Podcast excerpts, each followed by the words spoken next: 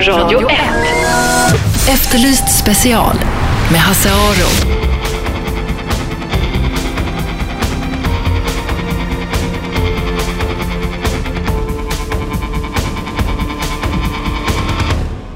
Välkomna till Efterlyst special i Radio 1, 101,9, Sveriges nya pratradio. Hasse Aro heter jag.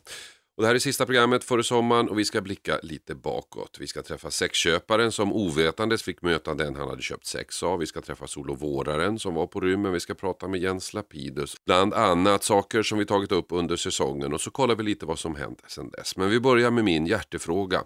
Ersättning till brottsoffer.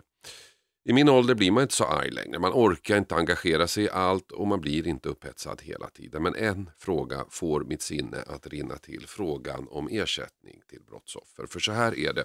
Om du råkar ut för ett brott och blir tilldömd ett skadestånd så är det inte alls säkert att du får ut det. Om förövaren inte har några pengar, och det har han väldigt sällan, så spelar det ingen roll vad domstolen tycker att du ska ha för skadestånd.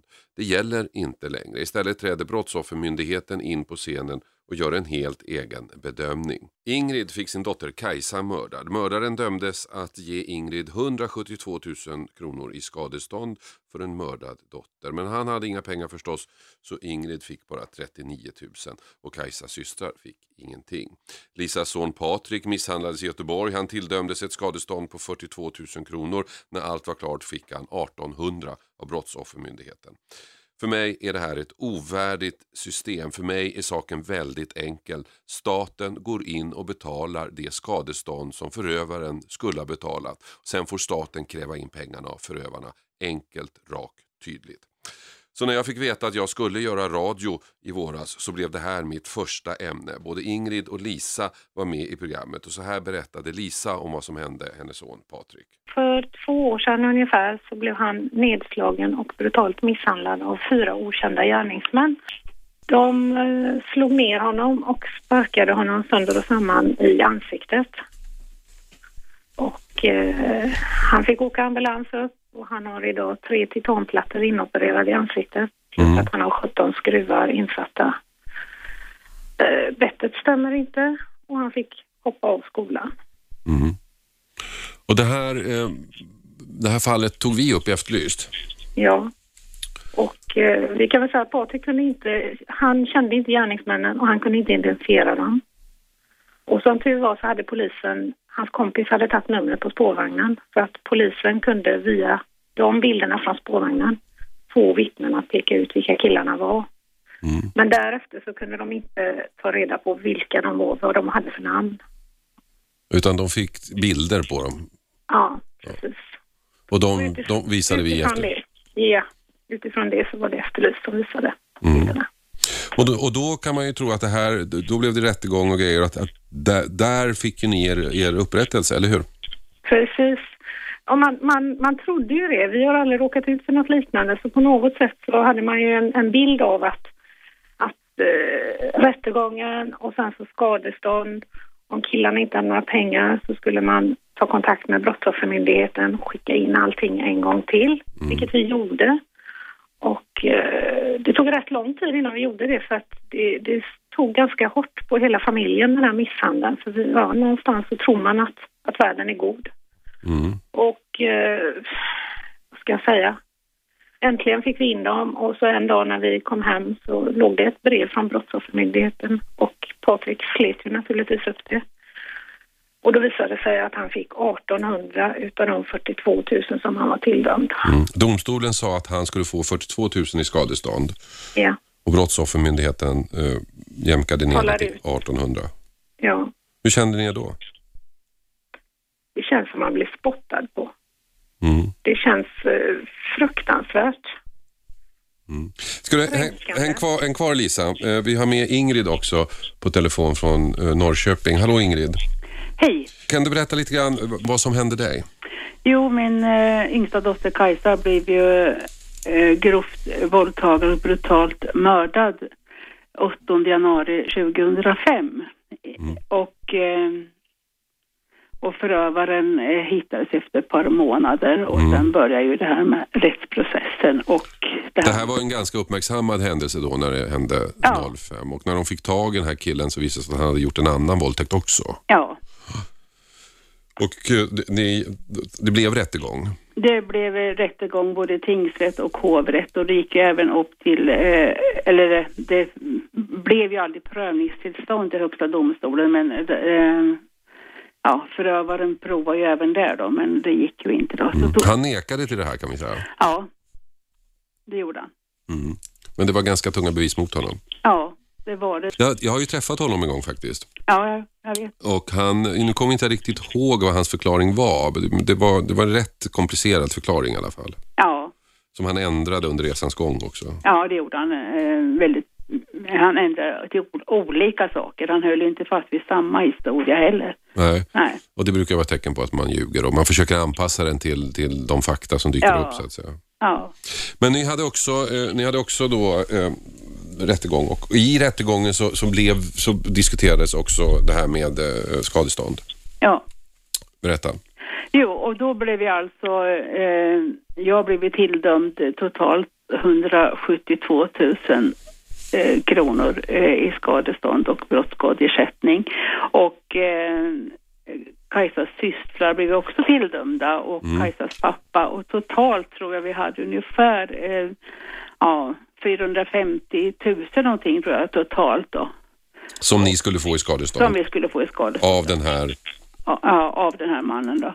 Men systrarna har inte fått något och jag har fått eh, 39 000 utav 172 000 då. 39 000 var det du fick ut. Ja. ja. Lisa, eh, vad säger du när du hör Ingrids historia? Ja, det är fruktansvärt. Det är ju ännu värre än vårat känner jag. Mm. Det, det, det får inte gå till så. Alltså, då kan man lika gärna lägga ner Brottsoffermyndigheten för då slipper man att hoppas på att någon upprättelse ska komma. Men var det det du trodde att du skulle få av Brottsoffermyndigheten? in, inte jag, men min son. Han hoppade av skolan idag. Han har inte fortsatt. Han var jätteduktig i skolan.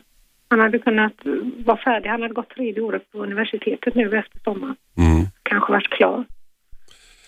Eh, ni lyssnar. Ja, ni lyssnar alltså på Radio 1, 101,9 Sveriges nya pratradio. Vi diskuterar reglerna för skadestånd till brottsoffer i Sverige. Det är ju så att man blir tilldömd ett skadestånd av, brottsoff, av domstol eh, och kan inte förövaren betala, vilket han oftast inte kan, så går ärendet över till eh, Brottsoffermyndigheten och där blir det helt andra belopp vi pratar om. Eh, vi har med oss Lisa vars son blev misshandlad i Göteborg som blev tilldömd, vad var det Lisa, 42 000? Ja. Och ni fick ut 1800. ja. Och så har vi då Ingrid i Norrköping vars dotter Kajsa mördades 2005. Eh, Hon blev tilldömd 172 000 och efter några år fick hon ut 39 000 kronor. Eh, Ingrid, staten säger ju att det är inte de som ska betala skadestånd.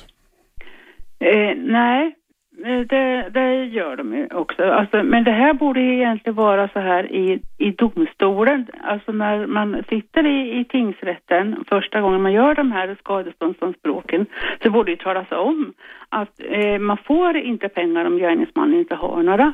Mm. Det vore ju vettigt tycker jag.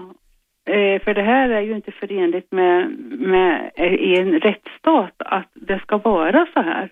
Det märkliga är ju att du har ju en domstol som är liksom den högsta beslutande organet när det gäller, när det gäller lagtolkningar i Sverige. Ja. Och så kan deras beslut så att säga att överklagas eller köras över av en annan myndighet. Ja, som, ja. Och, sen, och den myndigheten eh, kan, är ju suverän till att eh, fixa det här då. Va? Så att man överklagar ju hos dem och, och hela tiden. Och det säger Mm. Man överklagar deras beslut hos dem så att säga. Ja, och det, det tycker jag är rent horribelt. Man kan inte överklaga till samma, samma ställe för då, då blir ju samma beslut.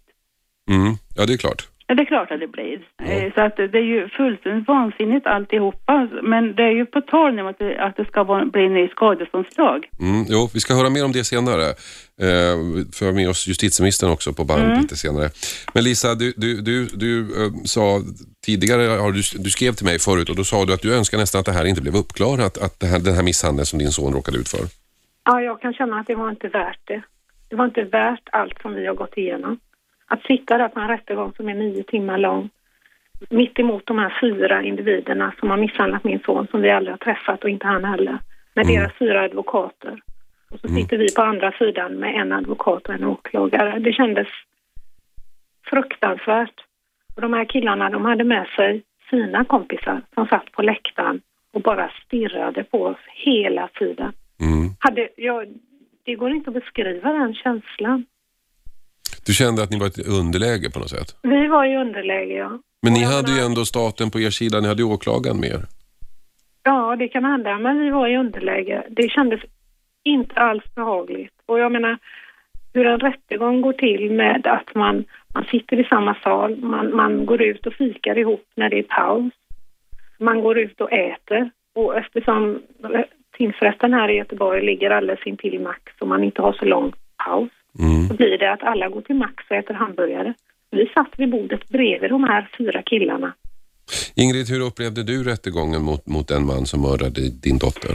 Ja, det, det var ju en, eh, jag upplevde som en, eh, ja, som en välregisserad föreställning. Och eh, det här var ju väldigt under längre tid. Det var ju under tre veckor båda gångerna. Mm.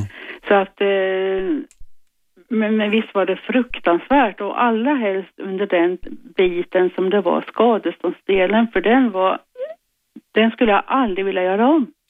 För det var inte så att, att domstolen bara satte ett skadestånd utan Nej, nej, det här var någonting, berätta hur det gick till.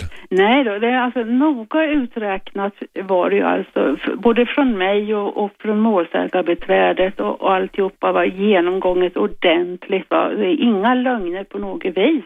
Mm. Och sen så eh, också skulle, krävde ju rätten att man skulle ha kuratorsintyg inlämnat också som lästes upp utav, eh, eh, alltså inför allihopa. Alla människor grät ju.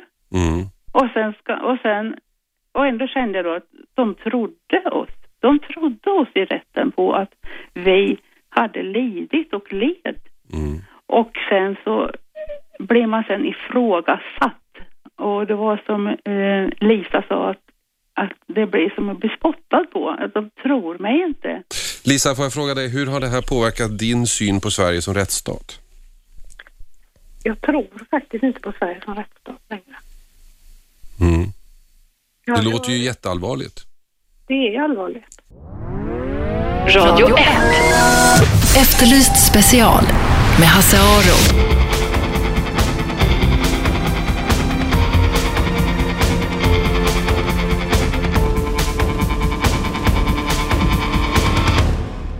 Ni lyssnar på Efterlyst special i Radio 101,9 Sveriges nya pratradio. Det här är säsongens sista program och vi kollar lite på olika ämnen som vi har tagit upp under eh, våren och vad som hänt sedan dess. Före pausen hörde vi två mammor vars barn råkat ut för brott.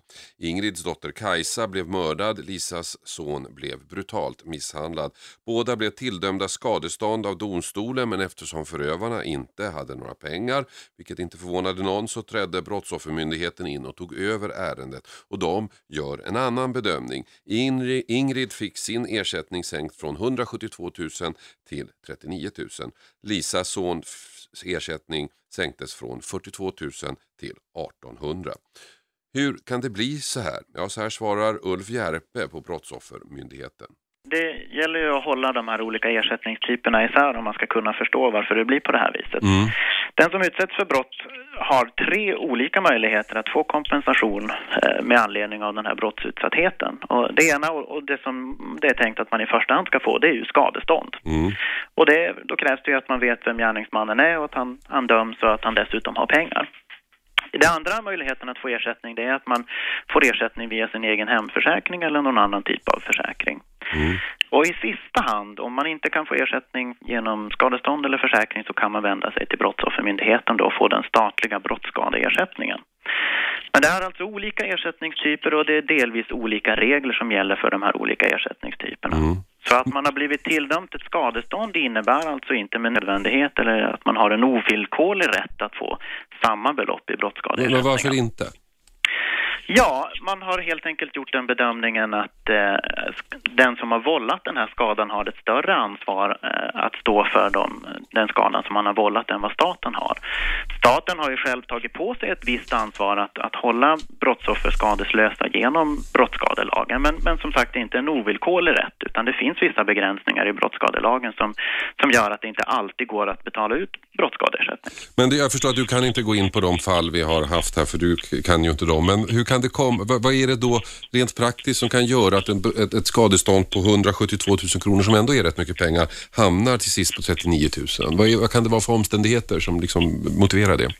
Ja, ett, ett vanligt fall det är ju att man inte har gjort någon sakprövning vid domstolen utan man har begärt ett skadestånd och sen har gärningsmannen vitsordat det här. Det vill Fast i det här fallet så hade, hade det gjorts det.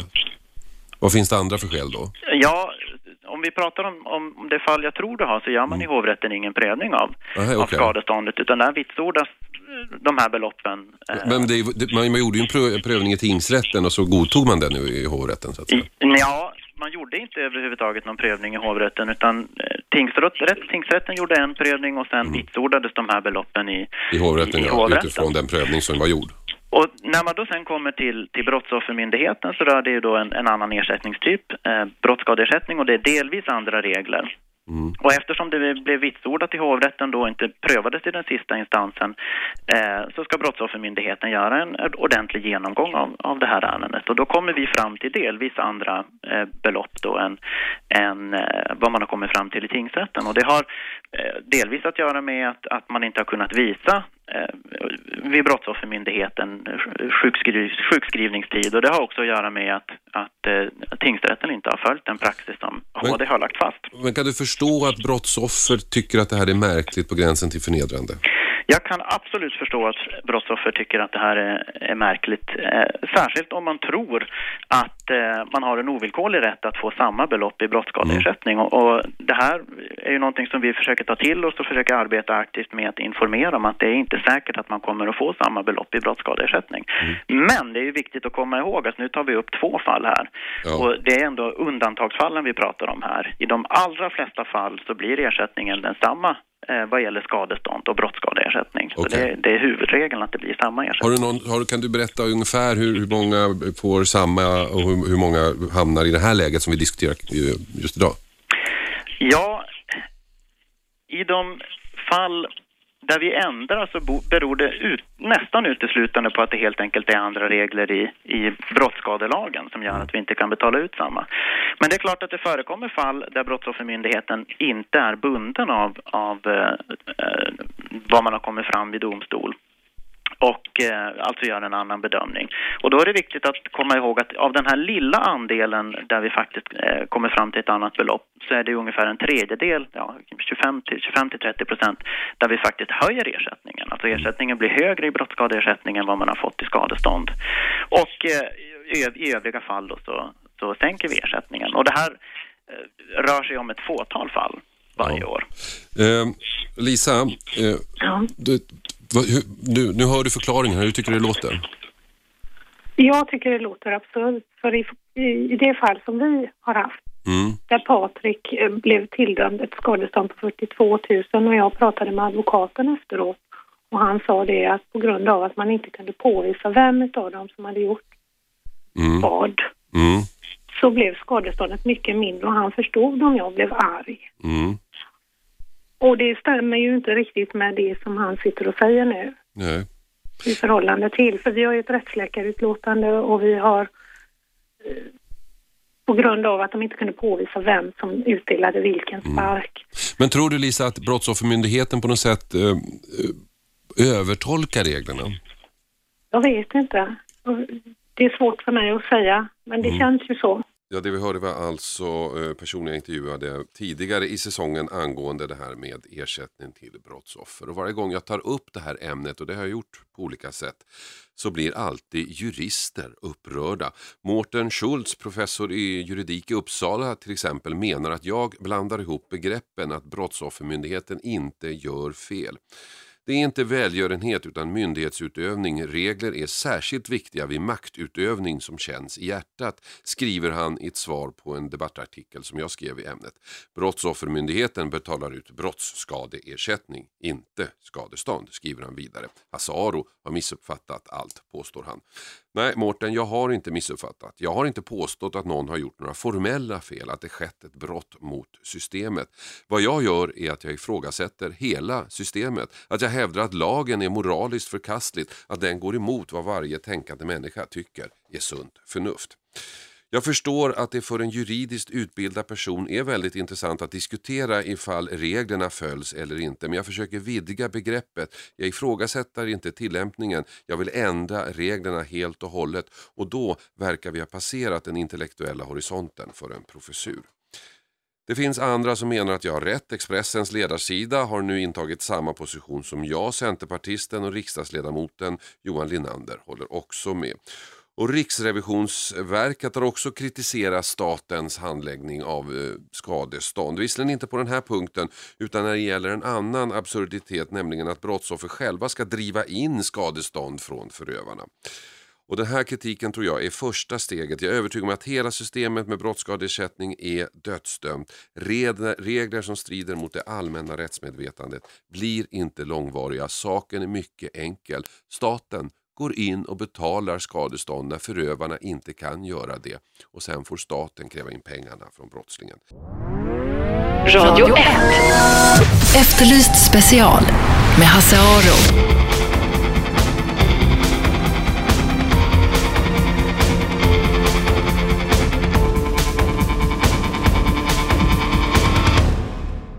Välkomna till Efterlyst special i Radio 101,9 Sveriges nya pratradio. Hassaro heter jag. Så här dagen före midsommarafton så tittar vi lite grann bakåt under vårsäsongen. Det här är ju sista programmet före sommaren. Och vi tittar på vad vi har gjort och kollar lite grann vad som har hänt sen dess. En av dem som jag träffade under vårsäsongen var Jens Lapidus som nu har släppt sin nya bok och är aktuellare än någonsin. Vi pratade om hans författarskap, om att vara advokat men också om varför han har ryckt om sig och var ganska mediaskygg. Jag, jag har väl gjort det till en princip att bara försöka synas i samband med att jag lanserar böcker och sådär. Eller om det är någon, något, något rättsfall som jag är inblandad i som är uppmärksammat. Men jag kände väl lite att fokusen på mig kanske var lite väl mycket eh, författaren Jens Lapidus och eh, inte advokaten Jens Lapidus. För det är ändå mitt, eh, ska jag säga, det är ändå mitt riktiga jobb. Så då tyckte jag Efterlyst var, var ett intressant program att medverka i eftersom det handlar ju om juridik. Mm. Eller det jag pratar om handlar om juridik i varje fall. Så jag tyckte det passade ganska bra. Det pratas alldeles för lite juridik i svensk media tycker jag. Men det är för att det är ganska tråkigt. Ja, folk kanske tycker det, men jag tycker inte det. Så jag tror att eh, om man har förmågan att eh, pedagogiskt förklara så tror jag också att eh, vanliga människor kan tycka det är kul i alla fall. Mm. Men folk tycker det är kul med, med eh, tror jag, brottsmålsjuridik. Mm. För det förstår man. Det är rätt och fel. Det är mm. moral. Det är liksom, mm. får man eller får man inte. Det är på något sätt grundläggande. Det tycker man väl är intressant. Men alltså, affärsjuridik och sådär tycker Nej. alla är tråkigt. Nej, men det, det, det kan väl... Uh tänka mig att affärsjuridik kan jag förstå. Men just, just eh, brottmål och det finns ju så mycket mer. Varför? Ibland blir man ju så upprörd om någon blir frikänd. Ibland blir man upprörd om någon blir fälld. Och det kan ju vara intressant att försöka förstå varför. Hur tänker domstolarna och advokaterna och åklagarna? Vad kan det bli för straff av olika saker? Och hur tänker en advokat? Hur kan man försvara? Alltså du vet, det finns mycket ganska spännande frågor faktiskt i det där. Det finns ju, vet jag också, fall där, där folk tycker att det här är ju inte klokt. Det här strider ju mot rättsmedvetandet. Mm. Hur kan det bli så? Det kan finnas olika skäl till det där. Um, ibland kan det vara att lagarna inte har hängt med. Mm. Um, man kan väl ta ett exempel här med nedladdning. Väldigt många människor tycker ju att det är, jag säger inte att det bör vara så, men väldigt många yngre människor tycker att nedladdning det är den självklaraste saken i världen. Det är inte konstigt att man eh, går i skogen och plockar lite vitsipper liksom. Det finns där att ta. Och då har man rätt att göra det på något mm. sätt. Jag säger inte att det är rätt eller fel att ha den inställningen men, men för dem blir det ju då väldigt upprörande. Det finns ju till och med partier som bara bygger på det där nästan. Det blir jätteupprörande då när någon kommer och säger att det liksom är fullkomligt olagligt. Sådär. Och omvänt så blir människor upprörda ibland när folk går fria. Trots att det är helt uppenbart att de har varit inblandade på ett annat sätt. Som det här Mats Alm-fallet till exempel.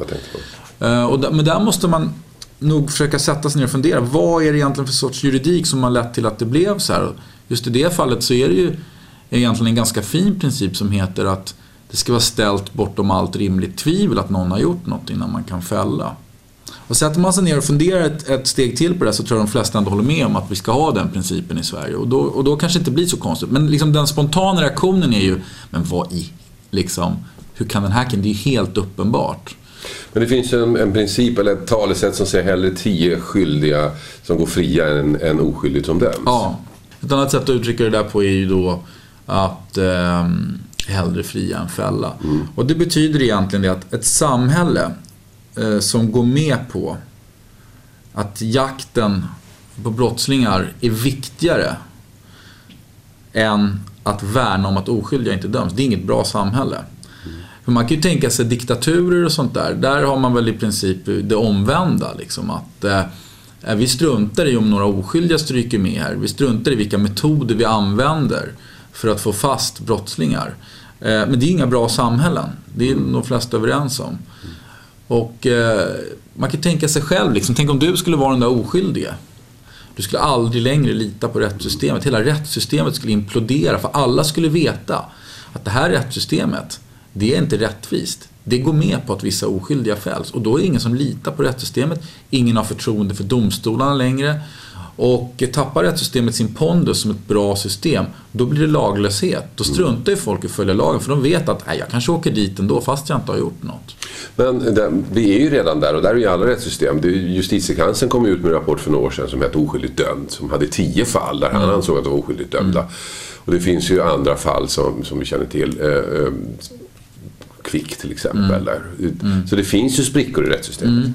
Det finns det. Den här JK-rapporten, men det är viktigt att komma ihåg, den heter inte oskyldigt dömd faktiskt. Den heter felaktigt dömd. Mm. JK uttalar sig inte om de här personerna är oskyldiga eller inte. Teoretiskt sett kan alla tio som JK skriver om vara skyldiga. Mm. Men de är felaktigt dömda. Sättet de har blivit dömda på är inte rätt. De borde ha friats. Även om de kanske har gjort det. Så det blir ännu mer liksom komplicerat att tänka sig Ja, JK tycker att de kanske i och för sig är skyldiga men de borde ändå inte ha dömts.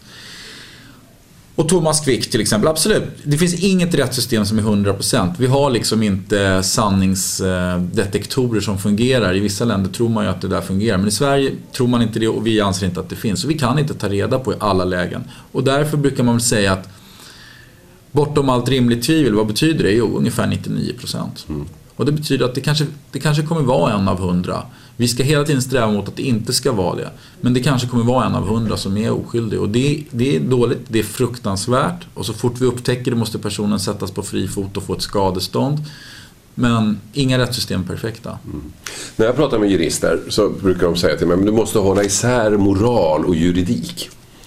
Och för mig är juridik moral. Mm. Är det inte så? Alltså det är ett sätt alltså, att formalisera moralen. Ja, men det är ju riktigt. Alltså, juridiken ska ju vara ett sätt att samhällets moral ska komma till uttryck för. Jag menar, vi kan ta exempel som eh, eh, där juridiken faktiskt även påverkar moralen. Där samhället säger så här att eh, så här tycker vi att det ska vara. Och efter ett tag börjar folk tycka det. Typexempel är ju eh, lite enklare då, inga allvarligare brott men eh, säkerhetsbälte i baksätet. Mm. När jag var liten då hade ju ingen människa säkerhetsbälte i baksätet. Det tyckte man ju var tramsigt. Men jag kommer ihåg då helt plötsligt när mamma och pappa sa nej men nu måste du börja ha säkerhetsbälte här i baksätet. Och idag finns det ju inte en svensk som skulle sätta sig i en bil och inte nästan per automatik, om man inte ska åka en väldigt kort bit på landet kanske, spänna på sig säkerhetsbältet även i baksätet. Det anses liksom, det är gängse moral bland människor. Det är, det är så man gör i en bil. Och där har ju lagstiftaren påverkat även moralen då. Men jag tycker, du har, jag tycker det är en poäng va? att någonstans måste lagen vara ett uttryck för moralen. Men det finns, finns, finns inte två nivåer på moral där. Det finns en grundläggande moral som vi alla är överens om. Man får inte slå ihjäl varandra, man får inte ta varandras saker och man får inte lura varandra. Mm. Och det, det är ju lika i nästan alla kulturer i hela världen. Även om man hittar en liten stam någonstans i Borneo så har de ungefär samma rättsuppfattning. Det är den här moralen. Sen har du den andra moralen, den du pratar om, som är mera modebetonad. Ja, jo, det är klart att det går svängningar i moralen. Och det, man kan väl säga de här grundläggande grejerna, tio budorden eller vad du vill prata om. Liksom, det är ju på något sätt eh, väldigt grundläggande grejer. Eh, sen finns det ju olika saker som eh, eh fram till 70-talet var det förbjudet att vara homosexuell till mm. exempel. Mm, ja, det eh, och det, skulle, det tycker människor idag i Sverige är helt mm. befängt. Medan i många länder så är det fortfarande förbjudet att vara homosexuell. Mm. Och, då kan man säga att de är helt galna där. Ja, men för 40 år sedan var man på samma plats i Sverige och tyckte det var fullt normalt. Va? Så att det, moral är ju någonting som ändras i, i takt med människornas uppfattning om, om saker och ting. Och ibland hinner inte riktigt lagen med. Men sen finns det ju så här att även moral kan ju krocka. Till exempel så får man inte döda, det tycker ingen. Men de flesta människor tycker nog att man har rätt att försvara sig i vissa lägen. Mm. Och till och med att man har rätt att försvara sig genom att döda. Det skulle nog de flesta människor ställa upp på. Att blir du så pass angripen att din enda utväg är att döda din motståndare, ja då har du under vissa förutsättningar nog rätt att göra det. Och det är ju det här som juridiken måste hantera också. Vad händer då när någon har dödat men kommer in i rättssalen och säger jag blev angripen? Och det är då det blir lite mer komplext och då är det inte så lätt att prata om bara om allmän moral för att det kan ju krocka liksom. Mm. Du har ju valt att, bli, att jobba med brottsmål. Varför det? Jag jobbade ju några år med eh, affärer då, stora affärer, ofta företagsförvärv av olika slag, börsnoterade bolag etc. Och eh, väldigt spännande, väldigt kul, oerhört intellektuellt stimulerande, väldigt komplexa frågor. Eh, stora informationsmängder, man måste hålla huvudet kallt liksom och kunna hantera väldigt mycket. Men vad jag kände var väl liksom att eh, min, min hjärna blev väldigt stimulerad. Men jag ville ju eh, stimulera hjärtat också. Jag ville känna att det verkligen betydde något på riktigt. Liksom. Det handlade om människor. Och då är väl brottmålsjuridiken, eller humanjuridiken som den kallas, den är väldigt den är människoorienterad. Mm. Alla mina klienter är människor. Det är inte mm. stora bolag. Liksom. Är det inte där någonstans allting ligger, fascinationen med brott? Att det handlar om människor och vårt sätt att vara och moral? Jo, jag tror att egentligen så måste man vara stor ska vi säga det, människoälskare eller in, oerhört intresserad av människors mänskliga psyke. Att vara, vad driver människor till att göra saker? Hur kan man förklara? Går det att förklara på något sätt varför den här människan har gjort som den har gjort? Jag, jag tror att man måste någonstans tycka om människor för att kunna ha det här jobbet. Men där är det många som frågar försvarsadvokaterna. Det är klart att när du har en kille som du tror är oskyldig. Det är klart det är ett enkelt jobb. Ett härligt jobb att försöka fria den här. Men det är klart att det har hänt att du har killar som du vet, det här är ju, det här är ju en riktig skitstövel. Ja, alltså det, till att börja med kan det ju vara folk som erkänner. Och då ja. är det ju inget snack eh, för det mesta. Då är det ju liksom att personen själv... Nej, men då, då har du ju mm, då är det en annan grej. Men om mm. du är övertygad om ja. att han är skyldig. Och det är, väl, det är ju ganska vanligt kan man väl säga att klienten säger till mig, jag har inte gjort det här. Men jag ser ju vilken bevisning åklagaren lägger fram och kan ju nästan på förhand inse att jo men, men alltså det här är väldigt stark bevisning som åklagaren lägger fram. Den här klienten har säkert gjort det som åklagaren säger. Jag kan ju aldrig veta för jag var inte där själv. Och då, man, då måste man ju, då är ju frågan relevant. Liksom, hur, hur, känns det? Liksom? Hur fan kan du egentligen sitta där och, och, och då får man ju komma ihåg lite att det är lite ett spel.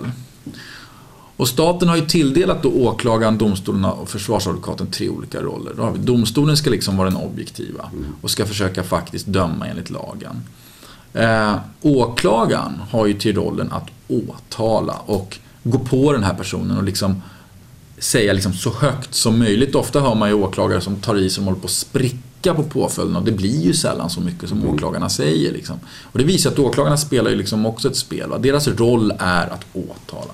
Och sen har samhället sagt att det ska finnas ytterligare en roll här. Det ska nämligen finnas någon som oavsett om eh, det är fruktansvärt det den här människan påstås ha gjort och som det finns jättemycket bevisning för att personen har gjort. Så ska det finnas någon som även ser till att tillvarata dens intressen och se till att den inte blir oskyldigt dömd eller felaktigt dömd eller att den blir för högt dömd och får för högt straff. Som ser till att den här människan får hjälp i rättssalen. Men, men konsekvensen kan ju bli att du är så skicklig så att en farlig människa får komma ut igen. Ja, det kan bli konsekvensen och det är lite eh, väldigt sällan kan jag säga som det inträffar att en enkom advokats skicklighet gör att någon blir helt friad. Mm. Eh, från alla, brotts, alla brottsanklagelser. Men det är klart att det kan inträffa. Det kan ju vara så att eh, man är väldigt, väldigt skicklig eller att åklagaren gör något misstag eller någonting. Eh, och då får, man, då får man vända tillbaka den här principen som vi pratade om tidigare tror jag. Att så måste systemet vara konstruerat. Men man kan ju tänka sig motsatsen då. Att man inte fick ha någon advokat som inte fick göra sitt bästa för att verkligen tillvarata den här klientens. Eh, då skulle ju oskyldiga bli fällda. Jens Lapidus i Radio 101,9 Sveriges nya pratradio. Radio 1. Efterlyst special med Hasse Aro.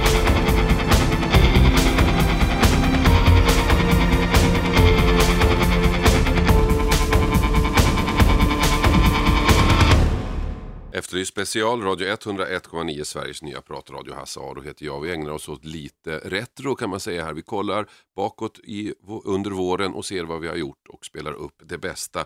Bland annat träffade jag Jens Lapidus, vi pratade om ditt och datt. Och jag undrade lite grann om varför han fortsätter att vara advokat. Därför att han är ju en oerhört framgångsrik författare så han skulle ju kunna leva på bara det. Det skulle nog vara bättre för mig ekonomiskt att uh, sluta hålla på med det här mm. flängandet till olika domstolar och, och, och skriva. Och nej, det har varit en lyckokast för mig. Mm. Eh, varför, men varför gör du inte det då? Varför, jag menar, om jag hade sålt som du hade gjort, då hade jag lagt ner radiopratande, tv-köret, satt mig på landet och skrivit böcker. Ja, men hade du inte blivit galen då? då? Det, det, det, det, är det jag tänker liksom att... Eh, jag tror man är olika som människor, va? men jag, det är inte min grej att sitta i kammaren hela dagen och, eller ute på landet i tystnaden. Jag blir ju galen alltså. Ja. Eh, utan för mig passar det ganska bra och ha det som en hobby som jag gör lite vid sidan om och sen ha ett vanligt jobb som jag går till med kollegor och, och såna grejer. Men andra författare skulle ju säga att, att skriva böcker är ju ett heltidsjobb. Ja, alltså absolut. Jag vill inte på något sätt säga att det inte är ett jobb. Det är ett jobb som alla andra jobb, men det är ett jobb utan kollegor. Mm. Ett jobb utan kontor och kaffeautomat som jag gillar. Liksom. Det är ett jobb utan arbetstider. Det är ett jobb utan... Jag gillar ju liksom den här direkta utmaningen att gå in i rättssalen och tävla. Liksom. Jag gillar ju att bara slängas in i, i, i som någonting där jag pressas lite. Det låter ju besynligt men jag gillar det. Liksom. Jag... Men det måste vara skönt att kunna göra det. Att kunna ha ett yrke som du faktiskt inte är ekonomiskt beroende av. Utan du kan köra för att du tycker det är kul. Ja, men det är en otrolig lyx. Och det har ju inneburit mycket bra för min familj. Liksom, att jag kan ju vara föräldraledig kanske mer än vad jag annars skulle kunna. Eller ja, det är en ekonomisk fråga som alla mm. människor själva mm. väljer. Men jag, skulle kun, jag har kunnat vara det. Jag kan ta en paus då och då om jag behöver. Och liksom, nej, det, det är en stor lyx. Det är bara att vara glad för det.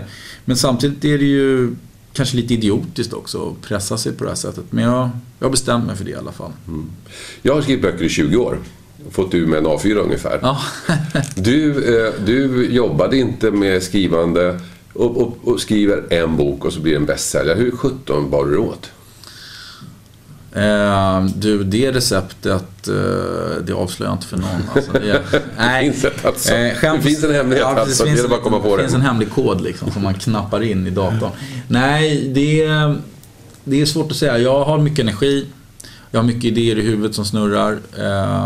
Jag är en rastlös människa mm. kan man säga. Jag, Lite ADHD? Absolut, säkert. Hade, jag, hade den diagnosen funnits när jag var liten så skulle jag inte bli förvånad om jag hade fått mm. något sånt där.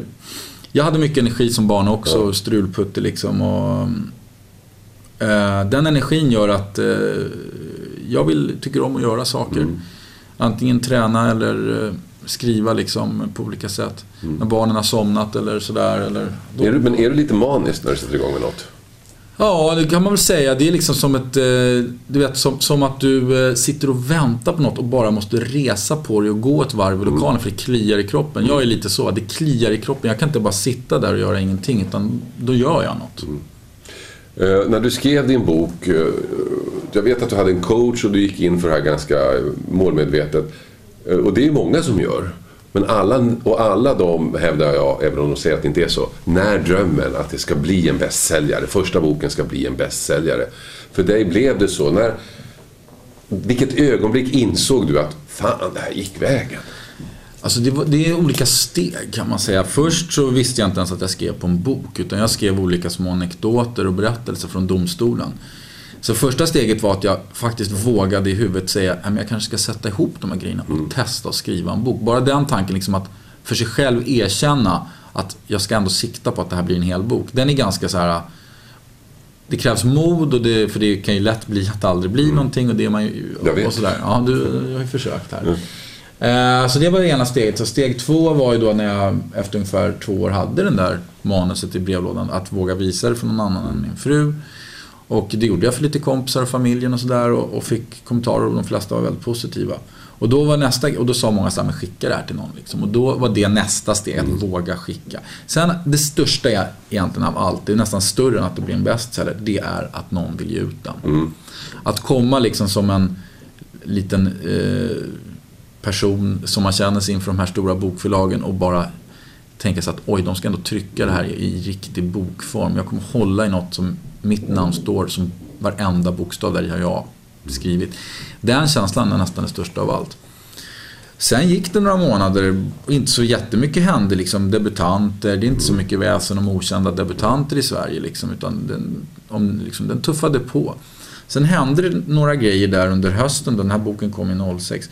Det ena var att Stig Larsson på Expressen, inte den döde Stig Larsson utan den levande Stig Larsson skrev på Expressens kultursidor väldigt snällt om boken att det var egentligen eh, en av de mest initierade någonting, mm. skildringarna av Stockholms undervärld och sådär. Du hade skrivit snällt om boken ja, också kommer ja, jag ihåg. Ja. Ehm, och sen ehm, samma vecka något, så var det Magnus Utvik som är en sån här bokrecensent på um, SVT väl, som eh, recenserade boken och gav den väldigt, väldigt fina betyg och vitsord. Då började det liksom hända någonting där sakta men säkert. Och det började snackas. Men det var ju fortfarande in, inte så mycket journalister som mm. Ja, och sen, sen började det sakta men säkert. Så det att det blev en bestseller, det tog ju liksom flera månader. Det, och det, det kom stegvis. Man fick rapporter liksom. nu gör vi ett nytryck här för det går som tåget. Och så, så började man efter ett tag, ja shit, det är riktigt populärt. Hade du börjat skriva på bok två då? Då hade jag redan börjat skriva ja, på bok Så det, det, skrivandet och till skillnad från när man gör radio och tv så skrivandet och distributionen är ju två skilda ja, världar och ja, går liksom parallellt ja. på något sätt. För att liksom distributionen på böcker, det tar ju så lång tid. Och bara skicka en bok och få den tryckt och hela grejen, det är två månader och sen ska den ut i butikerna och hit och dit. Så det är typ ett halvår kanske innan du, från att du lämnar ditt manus till att du ser någonting i handen. Under det halvåret kan du lika gärna börja med något nytt ju. Sa alltså Jens Lapidus när jag träffade honom tidigare i våras här i Efterlyst special i Radio 101,9 Sveriges nya pratradio. Och sen dess har han alltså gett ut, kommit ut med sin bok som han då var klar med Livet Deluxe som har tagits emot väl av recensenterna vill jag nog påstå. Radio 1 Efterlyst special med Hasse Aro.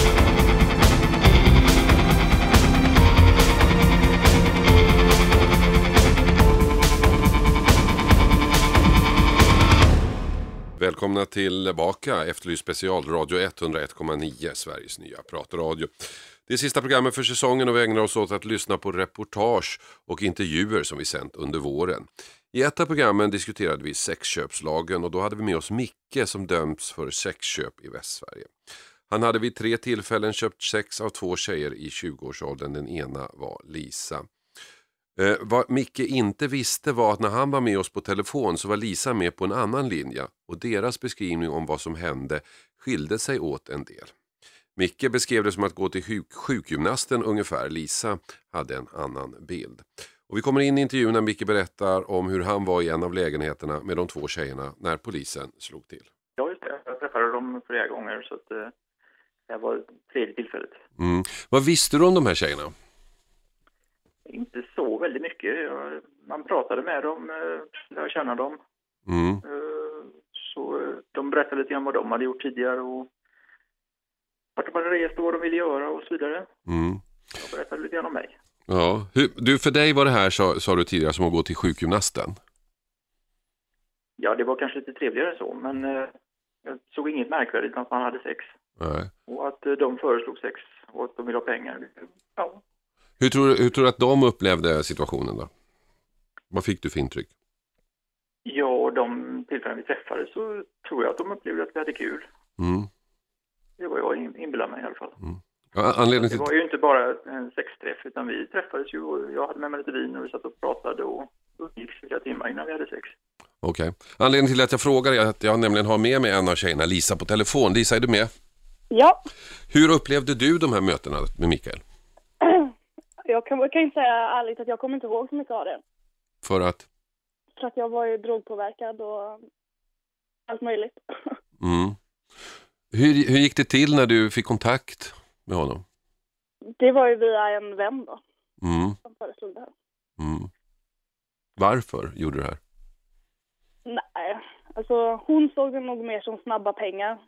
Mm. Jag såg det som ett eh, bra sätt att vara destruktiv. Mm. Man kan skära sig i armarna, man kan, eh, ja, you name it. Du kan mm. sälja sex. Det, det var ungefär samma grej för mig. Mm. Det var det du höll på med då, alltså självdestruktiva grejer, eller hur? Ja. Jag hade ju varit på behandlingshem under flera års tid, tvångsomhändertagen innan då. Mm. Och du säger att du kommer inte ihåg någonting av det här? Jag kommer ihåg vissa delar, men inte mycket. Nej.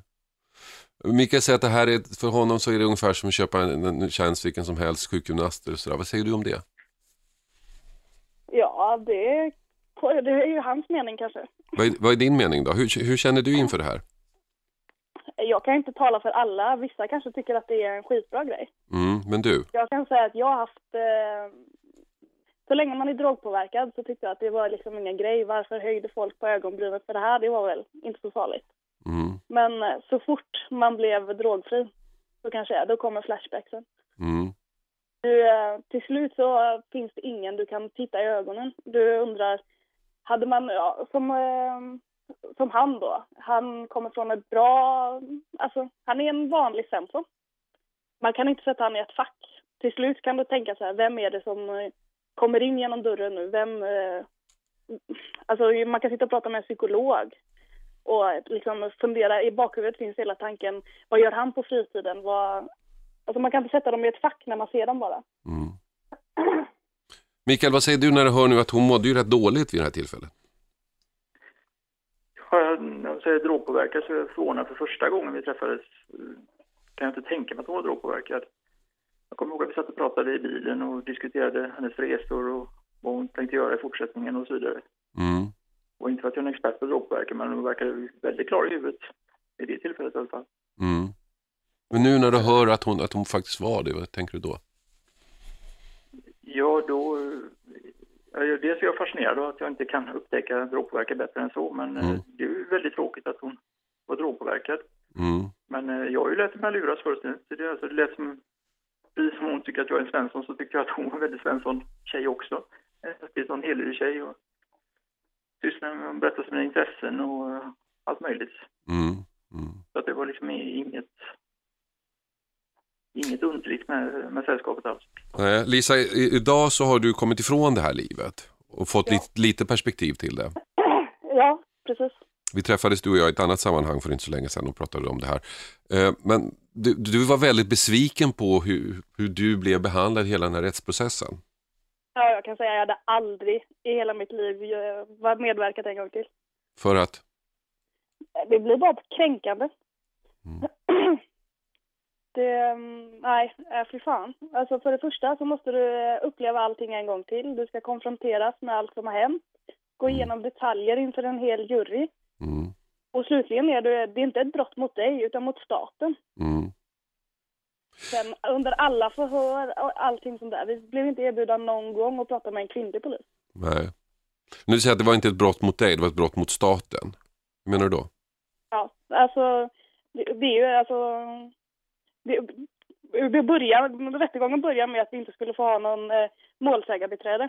För det var Mm. inte ett brott mot person utan mot, eh, mot staten. Böterna betalas till staten. Du kan inte yrka på någonting. Du kan inte, alltså det enda du ska göra är egentligen att vittna. Det blir mer som ett vittne, inte målsägare. Men känner du att Mikael har någon slags ansvar mot dig? Jag kan säga att jag hade också mycket ansvar. Jag Mm. satte mig i situationen själv. Men sen så kan man ju ställa sig frågan om han... Eh, alltså, jag tror inte alla människor i Sverige skulle kunna köpa sex till exempel. Mm. Jag tror inte heller att eh, många tycker att det är okej. Skulle han tycka det är okej att köpa sex, eller att hans dotter sålde sex, som Mm. ni var inne på förut. Mm. Mikael, skulle du tycka det var okej om din dotter sålde sex? Det där klassiska din dotter. Ja, jag vet, men det är ett ganska bra argument. Eh, Jag vet inte, jag tycker det faller under god mans lag när det gäller att dra upp nazister i diskussioner också. Mm. Alltså, det finns massor med saker som en dotter ska göra. Men om vi, om, nej, men om, vi, om vi struntar i din dotter nu då, för att eh, man vill inte att hon ska knacka heller och allt det där. Men eh, när du nu, nu hör Lisa, blir inte det här lite det som de, de, dina belackare menar, att det är, en som, det är alltid en som utnyttjar en annan? Jag blir ju jätteledsen när jag hör att hon eh, som sysslar med destruktivt beteende och mår dåligt av det. Alltså, jag vill ju inte skada henne på något vis. Och om hon kände att eh, det var destruktivt att ha sex med mig, det, det känns ju inte så roligt att höra. Nej, men det var väl inte riktigt det du menar Lisa, att det var själva sexet som var de- destruktivt, utan situationen? Nej, och sen kan man ju ställa sig frågan, hur gamla var vi? Vi var 20, du var över 50. Ja. Ehm, sen eh, kanske inte åldern spelar någon roll för alla, men eh, själva grejen, alltså att eh, sen så kunde vi säkert ha träffat värre folk än vad du var, eller liksom sådär. I Ja, jag känner att jag försöker bry mig Men om du er. kan ju och- inte säga att vi, du inte visste att vi var drogpåverkade. Vi Första satt ju tillfället. framför dig och tog tabletter och blandade med alkohol. Inte vid första tillfället. Nej, men spelar- det någon roll om det är första eller andra tillfället? Kan Ja, jag första tillfället hemma hos mig så hade jag ingen sån tanke. Nej. Då såg jag ingenting sånt. Men vad, när blir man vuxen då? Du var i alla fall 20. Ja, fast eh, du kan bli tvångsomhändertagen för att du missbrukar. Du kan bli tvångsomhändertagen för att du mår psykiskt dåligt. En av tjejerna som var med var ju på rymmen ifrån psyket. Hon var efterlyst. Mm. Um, sönderskurna armar. så, Alltså, man kan, ja, alltså det är svårt för mig att liksom beskriva den känslan. Men eh, Mm. Men om, om jag nu sätter mig in i Mikaels situation här, hur skulle han kunna veta det? Ja, fast vi pratar ju mycket om att vi hade bott på behandlingshem och sådär. Mm. Sen kan jag inte, sen så säger jag att alla har ju sitt eget ansvar också. Mm. Eh, Jag kan inte säga att det bara var Mikaels fel. Nej. Men eh, sen kan man ju liksom börja fundera på, alltså, jag kommer inte ens ihåg att eh, andra gången ägde rum i princip. Nej. Mikael, eh, när du lyssnar på Lisa, vi pratade om det här förut, att är inte det här lite som vatten på kran, kvarn för dina belackare, att det är så här det ser ut sexköp, att det är någon som känner sig utnyttjad i någon ända till slut? Jo, det är det väl antagligen. Eh, på sätt och vis. Alltså att, eh, att det fanns behandlingshem i historien. Det, det fick jag höra andra gången då när vi satt där. Mm. Då, då satt de ju och diskuterade, det var ju tre tjejer kände varandra, eller vissa kände varandra. Och de satt jämförde historier och så här, men det där var ju historier och eh, att de mådde dåligt just då, att Lisa mådde dåligt just då. Eh, ja, det, det, det föll mig inte in att hon, hon verkade som hon hade kommit ur det beteendet. Mm. Men det, det faktum att hon faktiskt var så mycket yngre än dig, eh, pratade om behandlingshem och sålde sex. Fanns det liksom inte, kunde du inte ha dragit några slutsatser utifrån det? Jag, sex, alltså hon upplevdes inte som någon tjej som sprang runt och sålde sex alla en var. Det här kändes som det här var en grej som hon tyckte det var, när vi ändå träffades så varför inte tjäna lite pengar på mig. Mm. Mm. Men- Menar att hon, det hon här liksom... karriärval, det tror inte jag. Nej. Men hon utnyttjade dig lite då, eller hur menar du? Nej, menar inte så, men jag menar att det här var en stundens ingivelse för henne. Det här var inte hennes karriärval att hon skulle hålla på och springa och sälja sex till alla som hon träffade. Nej. Utan eh, det var någonting som liksom dök upp i huvudet första gången vi träffades. Mm. Och sen så hängde det kvar andra gången också. Men som ett, det här var en del av hennes självdestruktiva beteende beskriver hon det. Eh, eh, jag menar om du inte hade köpt sex överhuvudtaget så hade du aldrig hamnat i den här situationen. Nej, det är ju alldeles riktigt. Hade jag låtit bli, tackat nej första gången så hade det ju blivit en helt annan händelsekedja förstås. Mm. Så, eh, men eh, samtidigt, jag, menar, jag förstår ju och menar ett destruktivt beteende, man söker sig till, till eh, sånt som upplevs som mörkt och destruktivt. Men att eh, just eh, kanske gjorde jag henne besviken att inte vara den brutala torsken som jag borde ha varit då. Mm. Eh, Lisa. Lisa, vad säger du? Jag menar, ditt destruktiva beteende, det, det kunde ju varit destruktivt även om du inte hade tagit pengar så att säga. Och då hade ju allting varit lagligt. ja, det, så hade det varit. Menar du att just det här faktum att du tog betalt var också ett led i, i, i, i din, din vilja att skada dig själv? Ja, sen så var det ju en annan som tog betalt åt oss, eller lite sådär. Eh, Men, ehm, ja, alltså jag kan säga att ehm, jag har träffat på många som har varit i liknande situationer som mig. Mm. På alla de år som jag har varit på behandlingshem.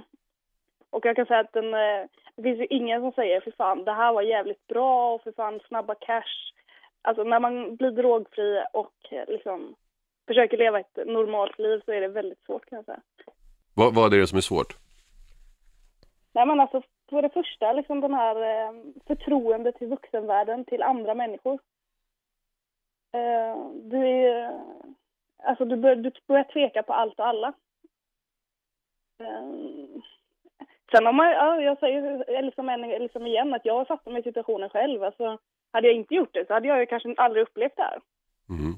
Men samtidigt, jag skulle inte ens önska min värsta fiende att hamna i liknande situation. Efterlyst special i Radio 101,9. Sveriges nya pratradio, sista programmet för säsongen och vi ägnar oss åt att lyssna på en del av det som väckte uppmärksamhet under våren. Det, det ni hörde nyss det var sexköparen Micke som berättar om sina träffar med Lisa som han alltså betalade för sex. Och de två hade ju helt olika bilder om hur de upplevde den här situationen. Vi ska fortsätta lyssna på dem. Radio 1. Efterlyst special med Hasse Aro.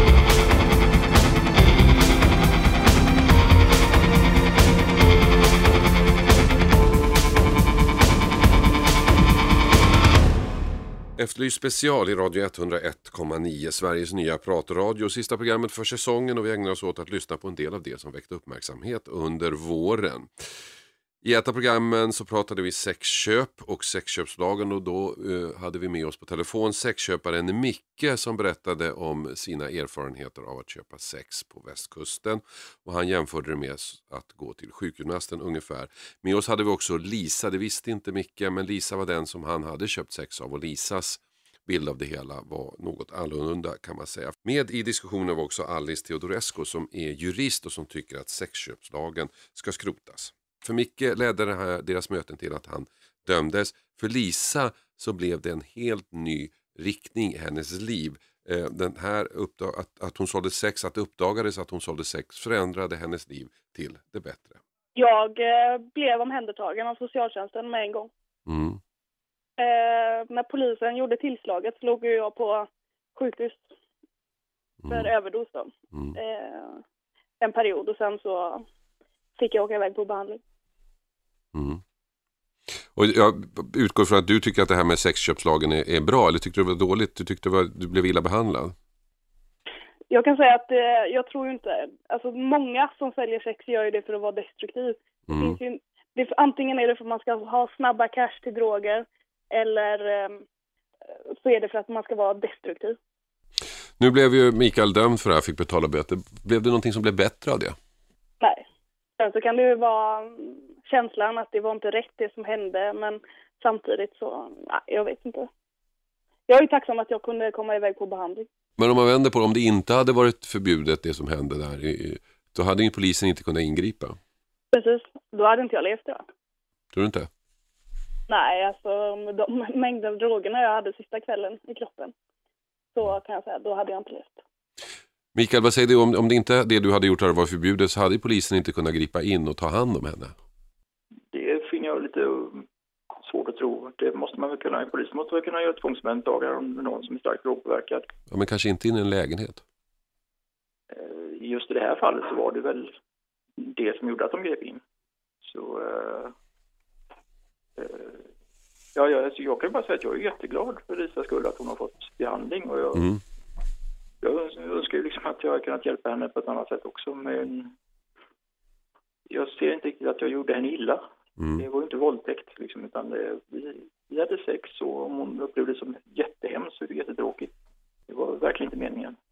Och att hon fick pengar av mig, det kan inte varit så hemskt heller. Med oss i studion här har vi också Alice Teodorescu som, som tycker att den här lagen inte är bra att men, vuxna människor ska fatta egna beslut och att man tar ifrån människor omyndigförklara dem. Men när du hör nu Lisas story här, tycker du då att det, att det var okej att hon fick sälja sex? Eh, historien vi har fått höra är ju fruktansvärt tragisk för, för alla inblandade parter såklart.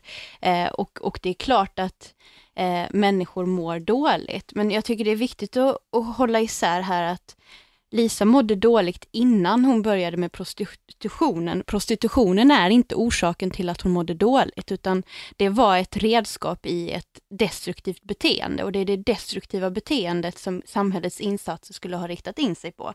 Ehm, och, och där har ju samhället ett stort ansvar för att ta hand eh, om de människor som, som hamnar snett och red, leda dem åt rätt håll, såklart. Men det är en annan diskussion. Men om man skulle vara konsekvent då så skulle sexköp vara förbjudet åt båda hållen så att säga? Absolut. Men skulle, Ja, skulle, det tycker jag också. ja, men skulle, skulle du ha blivit straffad då Lisa tycker du? Ja, alltså kanske. Det hade kanske hindrat mig från början till att utsätta mig för det. Mm. Framförallt kanske jag hade kunnat få vård för det mycket i ett tidigare skede. Det finns en en ologik som tyvärr återigen landar i att det här är en fråga om sex och moral. Mm. Eh, och det är det som jag vänder mig mot, att det är trasiga människor som ska ha hjälp eh, är en självklarhet och det är en självklarhet för alla oavsett var man står ideologiskt eller politiskt, givetvis. Mm. Men, men eh, alltså, trasiga människor kan sälja sex, de kan ha destruktivt sex också och de kan skära sig och de kan, alltså det är en del av ett beteende och sexförsäljningen kan vara ett sätt att, att liksom, som Lisa beskriver. Men att ha en sån här asymmetrisk lagstiftning som bara drabbar... Och med asymmetriskt menar du att det är förbjudet att, att köpa men inte precis, att sälja? Precis. Det sänder också konstiga signaler mm. och, och det i den här liksom feministiska kontexten så blir det också problematiskt eftersom det oftast är kvinnor som säljer sex till män. Men då glömmer vi också att det finns homosexuella sexköpare och det finns också, särskilt bland yngre, eh, många unga killar som säljer sex till äldre killar. Vad säger du om det Lisa? Att, det, det, att själva sexförsäljningen här var inte det som var ditt problem utan problemet var ditt destruktiva beteende? Utan det destruktiva beteendet hade jag inte satt mig i en sån situation. Nej. Men jag kan säga att jag, man har ju men av att man har gjort det. Hur, hur då menar du? Vad är det för men? Men du får flashbacks uh, av händelser. Du får... Uh, ja, alltså, alltså mycket av min behandling gick ju ut liksom på att bearbeta det som hade hänt, det som jag inte hade velat inse egentligen. Mm. Men var det bara det här, du har, måste väl ha gjort andra saker också som var jobbiga för dig? Ja, men självklart. Det, jag kan inte säga att jag åkte på behandling på grund av prostitution bara. Men eh, det blir ju, alltså, även det blir som ett missbruk. Om du tittar på, på de saker som du har gjort, eh, vet, nu vet inte jag exakt hur, hur det har sett ut, men jag kan tänka mig att det här med prostitution kanske är det som du kommer att ha svårast att, att leva med. Ja, jag kan, jag kan tycka så här att jag känner inget hat mot dem som liksom köper eller sådär. Jag kan bara känna ett jäkla äckel mot alla människor. För jag vet inte vem av dem som skulle köpa. Vad gör de på fritiden? Jag tycker att, eh, alltså, jag kan inte säga hur alla upplever det, men jag upplevde det som väldigt kränkande. Jag vill gärna veta vad det var som var kränkande i situationen. Nej, men alltså själva... Alltså, jag kan inte säga att du var dum mot mig, eller du vet sådär. Jag kommer inte ens ihåg det. Jag kan inte säga att ja, du var kränkande, men själva situationen. Ha? Först, första tillfället hos mig måste du väl komma ihåg? Var jag kränkande ja. mot dig då? Nej, men jag mådde ju jävligt dåligt efteråt. Men vad var det jag gjorde fel?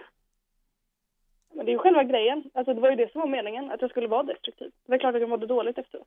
Det sa alltså Lisa i Efterlyst special, Radio 101,9, Sveriges nya pratradio. Det här kände vi tidigare i våras. Det här är ju sista programmet för säsongen och vi går igenom reportage som väckte uppmärksamhet i våras och lyssnar på delar av dem igen.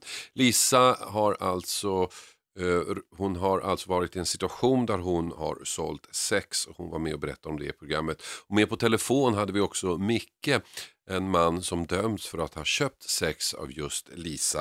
Och de två diskuterade här och hade naturligtvis olika uppfattningar om hur situationen utvecklar sig och hur de upplevde den. Radio 1 Efterlyst special med Hasse Aro.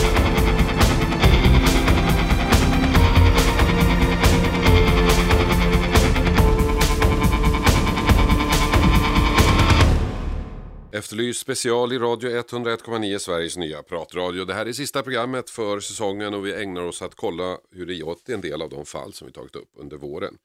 I tv-programmet Efterlyst sökte vi våras en solovårare som kallades för Ryan Arch. Han var 30 år och misstänkt för att ha lurat sex kvinnor på närmare 700 000 kronor.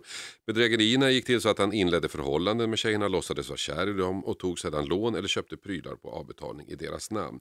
Sen drog han och lämnade skulderna till dem. Och nu var han alltså på rymmen. Efter programmet i tv så lyckades vi få tag i Ryan Archer. Han bodde i en stad i Skandinavien och kunde, efter viss övertalning, tänka sig ställa upp på intervju. Så jag flög dit och träffade honom. Jag skulle beskriva mig som en helt vanlig, som en Svensson om man kan säga så. Som eh, har arbetat större delen av mitt liv men även sysslat med mindre bra grejer vid sidan om. Mm. Mm. Hur växte du upp? Med mamma, eh, pappa är amerikan. Eh, träffade han regelbundet fast han bodde på andra sidan Atlanten normal skolgång, normal uppväxt, normal familjeförhållanden, inga problem alls. Mm. Eh, och du säger att du hade jobbat, vad, vad jobbade du med? Jag har jobbat som flyttgubbe, som sjukvårdsbiträde eh, och lite diverse. Men mest inom sjukvården. Totalt en fem år skulle jag gissa, sammanlagt. Du sa också att du hade gjort en del grejer som var mindre bra. Ja. Vad är det för grejer? Kriminalitet. Ja men typ av grejer? Ekonomiska brott eh, och sen lite annat också. Några eh, liksom våldsbrott och sånt. Mm. Mm. Det här med solovårandet, att, mm. att, att, eller ser du dig själv som en solovårare?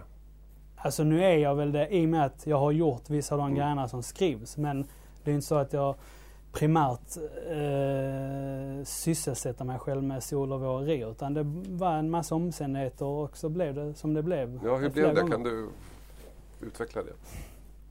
Alltså de första två grejerna var väl mest för att då satt jag redan i fängelse och var ute eh, på, eh, ja, jag hade avvikit från anstalten. Och så träffade jag då ett par tjejer som jag träffade och sen, eh, sen blev det att jag ville ha ett par grejer och eh, hade inte möjlighet att åka utomlands och hämta mina pengar så man köpte det på kredit och, och med abonnemang och så vidare i deras namn. Vissa grejer med deras eh, vetskap, andra inte. Och sen bara blev det som en bubbla som sprack liksom. Mm. Eh, och sen tog då polisen mig och sen kom jag ut när jag hade avtjänat resten av verkställigheten och då träffade jag en av då som också var tyvärr offren, den enda som jag haft verkligen känslor för. Och då försökte jag leva ett hederligt liv, jobba extra som flyttgubbe. Som vilken vanlig knegare som helst. Men pengarna räckte inte till. Och, eh, och då blev det att äh, jag vill inte ta från mina sparade pengar utan ja, då tog jag saker i hennes namn. Och... Vad var det då som fick dig att börja liksom lura de här tjejerna? Vad var det som, som så att du förstod att de kunde vara någon slags inkomstkälla? Alltså jag har inte sett det på det sättet utan det blir mer att äh, jag vill ha någonting men jag vill inte betala 35 000 för en dator liksom när jag ska köpa den. Utan det är bättre att sprida kostnaderna som, som en normal Svensson gör när man eh, köper grejer. Men eh, det blev liksom för mycket till slut. Och eh, ja, så... Eh, och sen slutar man träffa dem och då sket man att betala kostnaderna så att säga. Ni lyssnar på Radio 101,9 Megahertz, Sveriges nya pratradio. Och det ni hör är en intervju som jag gjorde tidigare i veckan med en solovårare.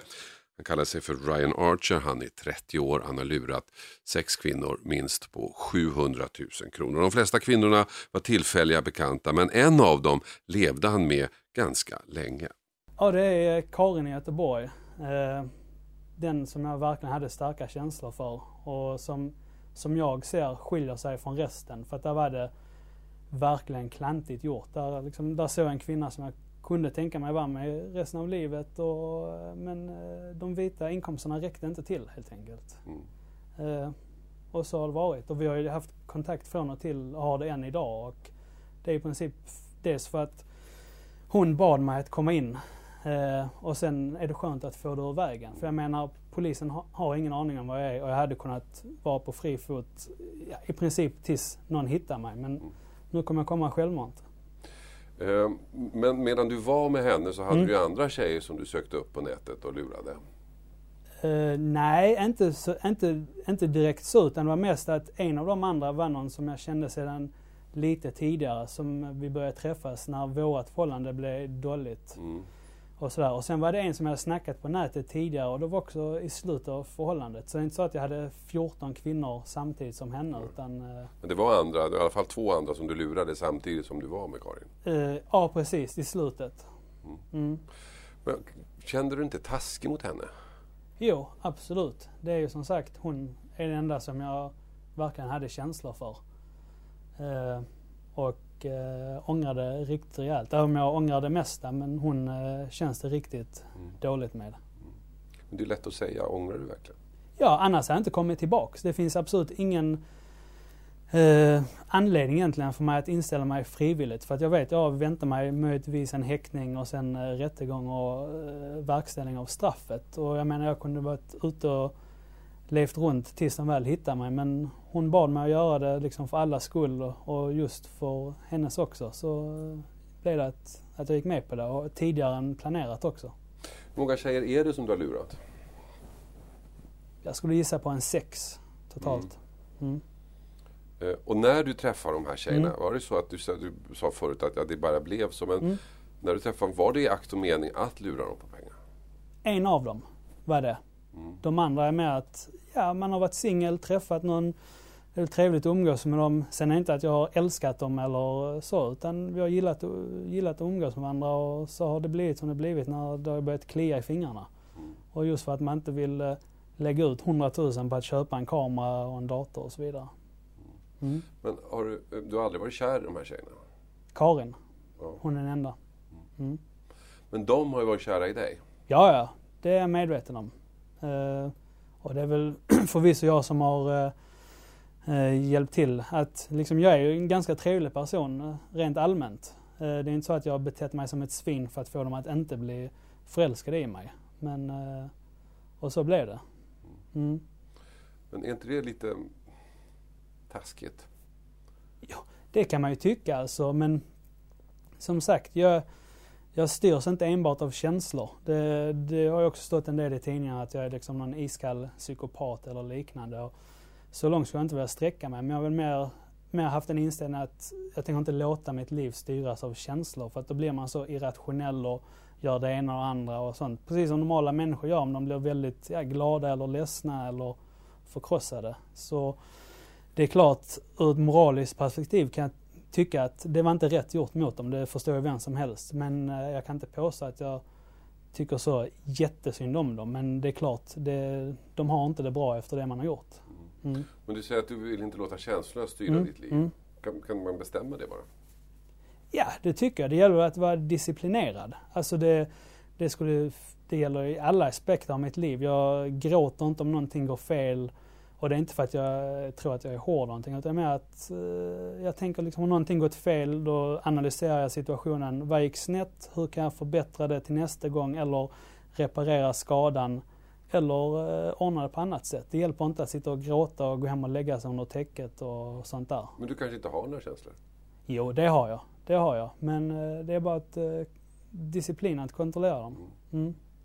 Det, det är just det. Jag har ju känsla för mamma och Karin och sen mina mm, två närmsta kollegor om man ska säga så. Carlos i Örebro bland annat. Men du återkommer till Karin hela tiden, men ändå Mm. Lurar du henne. Hon är förmodligen den som är mest besviken av allihopa. Ja, ja, absolut. Det, det är det. Men det blev liksom som ett eh, tvång som man inte kunde låta bli. Eh, saker lockar för mycket. Bilar, eh, elektroniska saker. Det, det är ju sånt som jag bland annat har dömts innanför när man försnillade mobiltelefoner och sånt. Var, Men varför, vad är det som är så lockande med de här grejerna? jag kan inte sätta fingret på det. Det är bara att jag vill ha det senaste och det bästa. Och, eh, och, det, och jag har inget tålamod utan jag ska ha det idag. Så har jag inte pengar i garderoben så får jag ordna det på annat sätt. Då får man beställa det till vilket pris som helst. Jag skulle vilja återkomma till det här med känslorna. Du sa att du reagerade på att man skrev att du var psykopat. Mm. Men är inte det psykopati att man kan stänga av känslorna? Är inte det som är psykopati? Att man inte förmår Alltså jag tror den kliniska definitionen av psykopati är väl att man helt saknar empati, att man inte kan sätta sig in i någon annans känslor och att man inte har några känslor alls. Men det är klart att skulle jag vilja gråta för någonting hemskt som händer, det är klart jag skulle kunna klara av att göra det om jag bara slutar vara disciplinerad. Men i mitt fall är det snarare att jag väljer att inte göra det för att jag anser inte att det gagnar mig av att eh, kontrolleras av känslomässiga utbrott. Men du väljer att inte liksom känna empati för de här människorna då?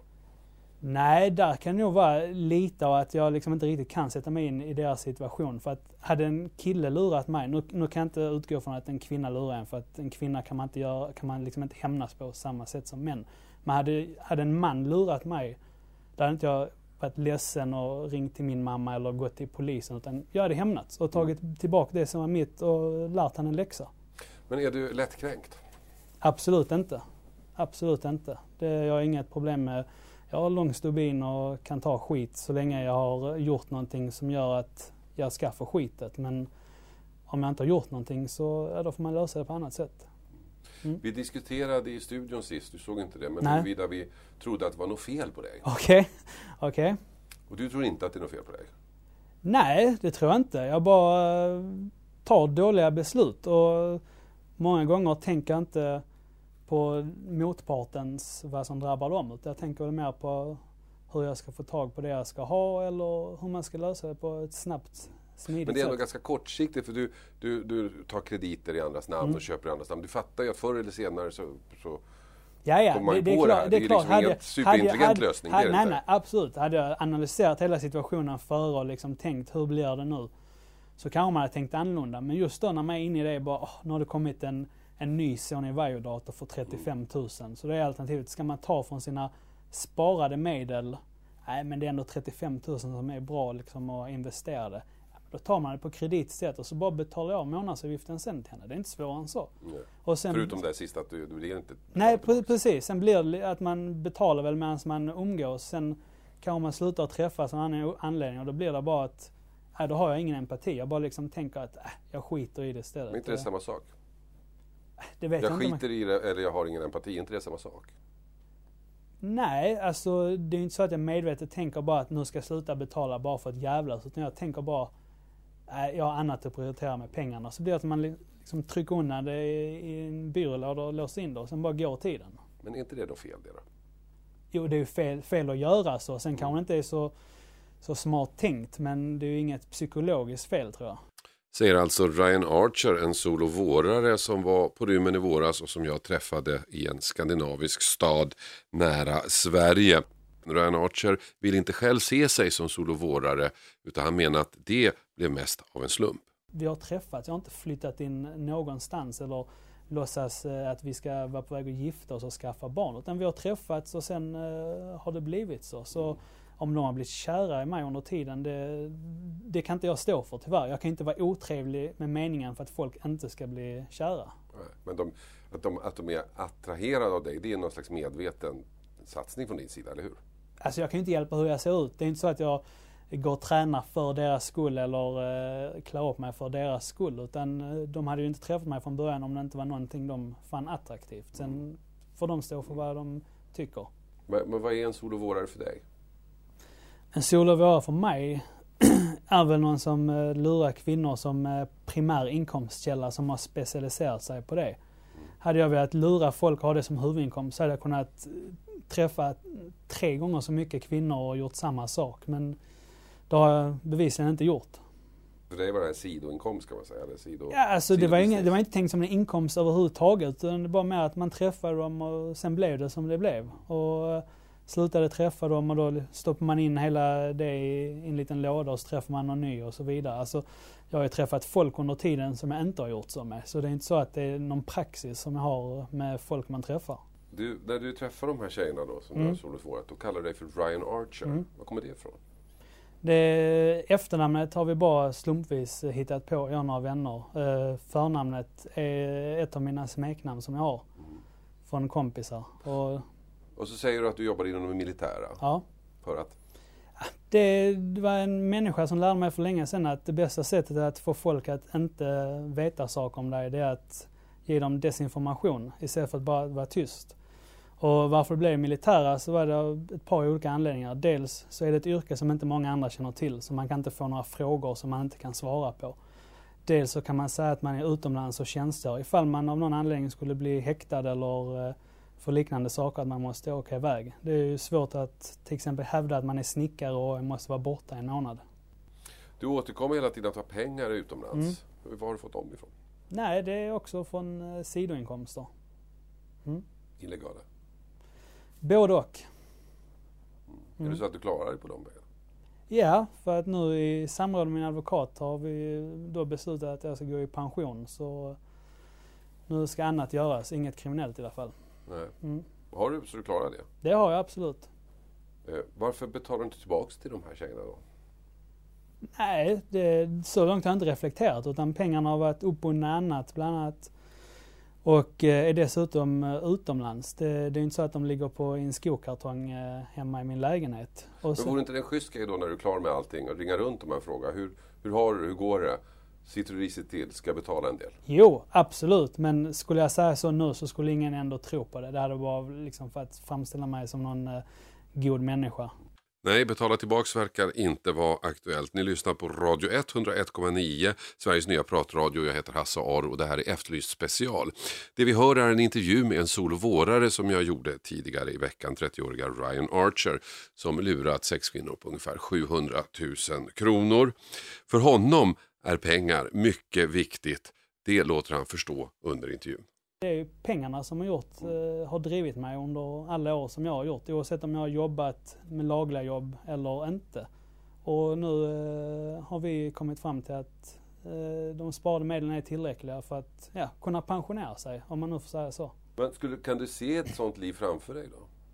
Att inte begå brott? Nå, ja, men att pensionera dig och inte liksom ha saker på gång, projekt på gång? Nej, men, nej det, det, nu menar jag inte så när jag säger pensionera mig. Jag menar sluta med kriminella grejer. För att i och med att det har varit bara pengarna som har lockat mig hela tiden. Jag är ingen social eh, utstött människa som inte kan hantera ett jobb. Jag har jobbat samtidigt större delen av mitt liv. Eh, utan det är mer att nu ska det dags att lägga av med brott. Det är ingen mening att syssla med saker som leder till fängelse när jag har ja, sparat ihop ett visst kapital som man nu kan göra annat med. Kan du förstå att människor som ser här tycker att du, du är jävligt dryg nu? Äh, dryg vet jag inte. Ja, men du har lurat tjejer, de mm. är ledsna, du har tagit mm. pengar. Nu har du pengar så du klarar det, nu kommer du mm. hem, ska göra det här straffet och sen mm. ska du leva livet. Mm. Jo, är inte det, det provocerande?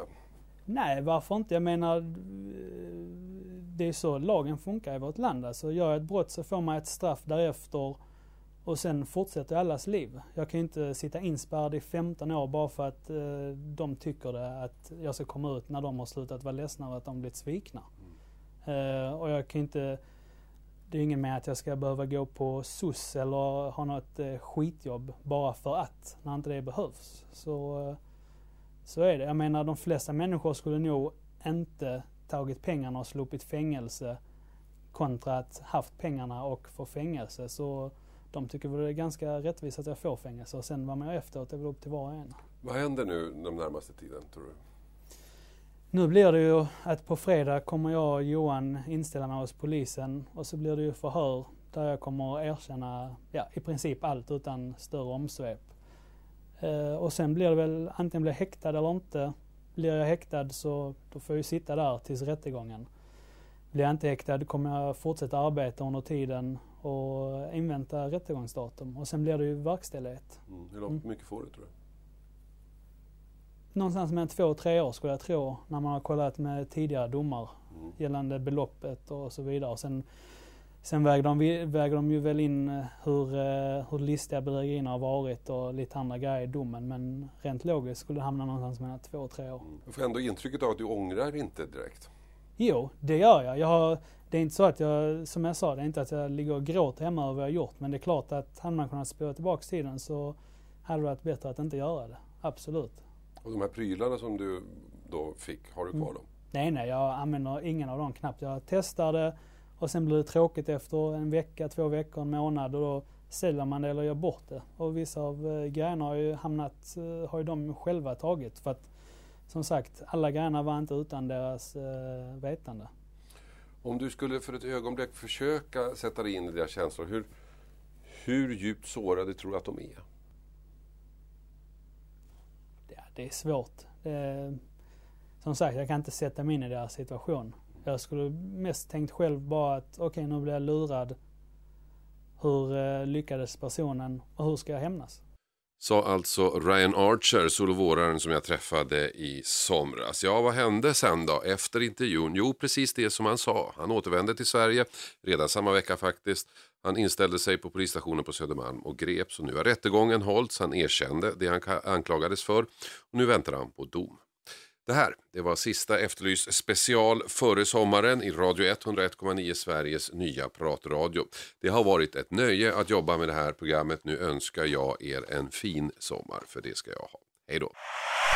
101,9 Radio 1 Sveriges nya pratradio